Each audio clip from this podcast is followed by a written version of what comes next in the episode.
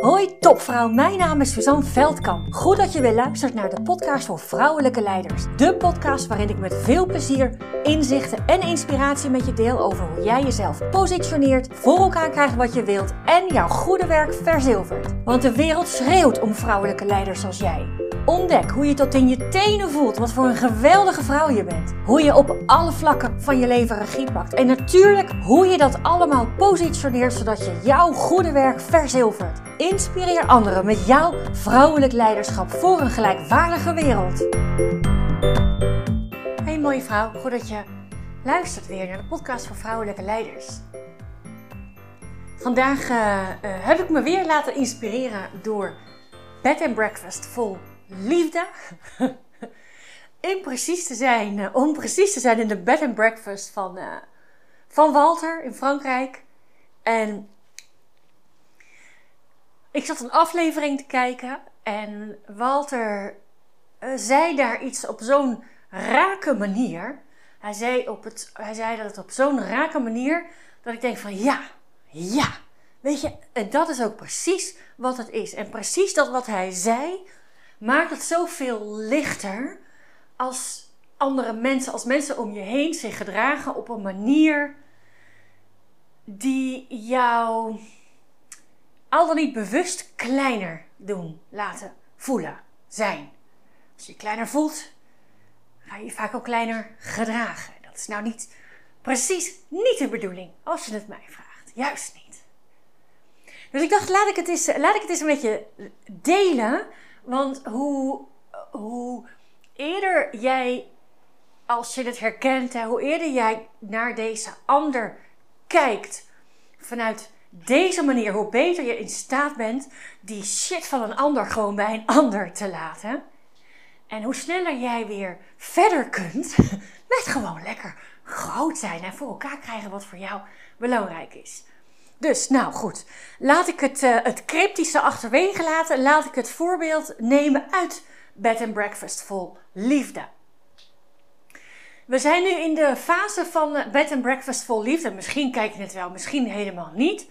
Maar Walter heeft een prachtige bed and breakfast in Frankrijk. En hij heeft op dat moment twee vrouwen die de liefde zoeken van hem. Of in ieder geval willen ontdekken uh, van hem. En dat zijn Alexandra en Corina. Corina is er al even en op dat moment komt Alexandra binnen. En Alexandra die... Um, hoe zal ik dat zeggen? Nou, laat ik zeggen wat ze zelf zegt. Die ziet dus twee mensen die al best op elkaar ingespeeld zijn. En Alexandra is, en dat herken ik natuurlijk heel erg, die, um, die wil ook graag haar plek innemen. En uh, zij, is, zij uh, wil dat zo graag dat ze, um, dat ze zich daar ook op die manier naar gedraagt. En soms ook op zo'n manier dat het eigenlijk niet meer authentiek is, maar dat het veel meer door ego gedreven is. Nou, een van, zij doet dat op verschillende manieren. Ik vind het overigens heel knap hoe ze dat doet. maar goed, dat terzijde. Ze doet het op verschillende manieren. En een van die manieren is door Corina, door die ander, uh, omlaag te halen. Uh, dat is in ieder geval mijn, uh, niet alleen mijn, maar ehm, ook de conclusie van Walter. Want een, een heel concreet voorbeeld. Ze, gaan samen naar de markt met z'n drieën. Uiteraard wilde Alexandra alleen met, met Walter, maar dat wilde Walter niet. En uh, Corina had er ook helemaal geen zin in om met z'n drieën naar de markt te gaan, want zij kan Alexandra niet luchten of zien. Nogmaals, mijn woorden. Nou, nu, wil, nu, nu is het zo dat, uh, dat uh, op, deze, op, op de dag van het naar de markt gaan heeft, heeft Corinna een pukkel op haar neus. en ik weet niet hoe het met jouw pukkels zit. maar bij mij beginnen ze klein, worden ze groot en dan vloep, dan gaan ze ook weer weg. Maar goed, op die dag was de pukkel op de neus van Corinna in het beginstadium. En later op de dag was die dus groter geworden. En Alexandra, die maakte daar op meerdere momenten een opmerking over. Goh, je neus wordt steeds roder. Goh, je neus wordt steeds dikker. Nou goed, Uh, alles, denk ik, lijkt erop, alles wijst erop met de intentie. Ja, zichzelf groter, beter te doen lijken, omdat zij zo op zoek is naar het innemen van haar plek. Nou goed, een, weet ik veel, één of twee dagen later, uh, zo in detail weet ik het ook allemaal niet, maar een paar dagen later hebben Corina en Walter een gesprek met elkaar.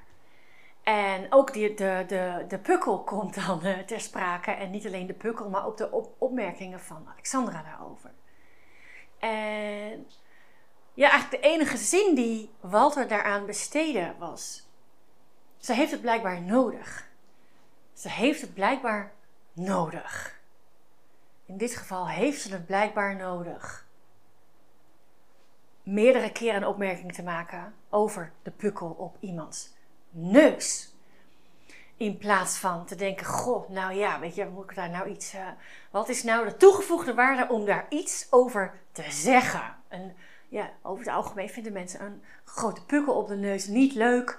Dus waarom zou je daar dan een opmerking over maken? Wat voegt dat toe? Nou, een opmerking of de gedachtegang vanuit Walter over het gedrag van, van Alexandra was, ze heeft het blijkbaar nodig. En dat is dat is precies wat het is. Ze heeft het blijkbaar nodig om de andere dame in het huis, in dit geval Corina, ze heeft het blijkbaar nodig om deze dame kleiner te doen lijken, kleiner te laten voelen. Een totaal niet empathische opmerking te plaatsen, meerdere keren op een dag over de pukkel op de neus dat is denk ik heel mooi, heel mooi, wat, ja, wat, wat dat zo typeert. En op het moment dat je dat vanuit die hoek bekijkt, dan hoef je dus eigenlijk helemaal niet meer bezig te zijn met gatsie. Wat heeft ze een nare opmerking gemaakt gatsie. Waarom doet ze dat nou toch? Jeetje, ik zou het zelf nooit doen. Dan hoef je het geen aandacht te schenken, want het is niet van jou. Het is niet van jou. In dit geval is het niet van Corina. Het gaat niet over Corina. Het gaat niet over de pukkel van Corina. Het gaat niet over de groter en roder wordende pukkel op de neus van Corina. Het gaat over Alexandra, die het nodig vindt, onbewust waarschijnlijk, die het nodig vindt een ander kleiner te doen lijken, zodat zij er zelf beter uitkomt.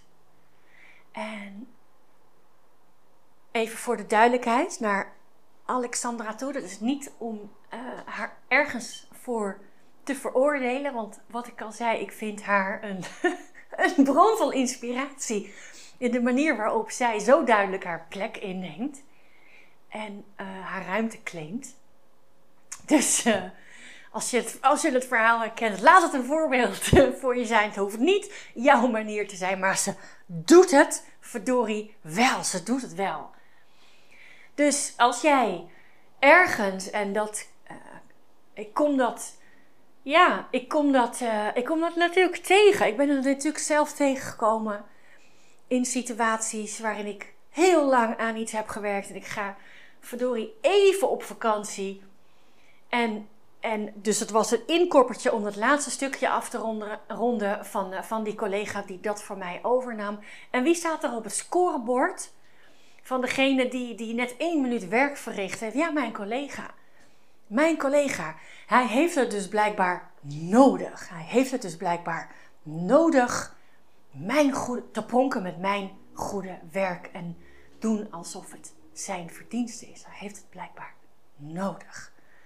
Als jij dit soort mensen om je heen hebt, het vast wel ergens tegenkomen, je gaat ze vast ook nog wel een keer tegenkomen. Weet dan, ze hebben het blijkbaar nodig. Het gaat niet over jou. Dag lieverd, dankjewel voor het luisteren. Dank, dank, dankjewel voor het luisteren. Was deze podcast nu waardevol voor je? Heel goed, dat is precies de bedoeling. Ik zou het geweldig vinden als je iets voor me terug wil doen. Dat kan door deze podcast te delen met een vriendin, in een groepsapp of helemaal geweldig op social media. En gebruik je Spotify? Laat dan weten wat je ervan vond. Dan maken we de wereld samen gelijkwaardiger. Dankjewel.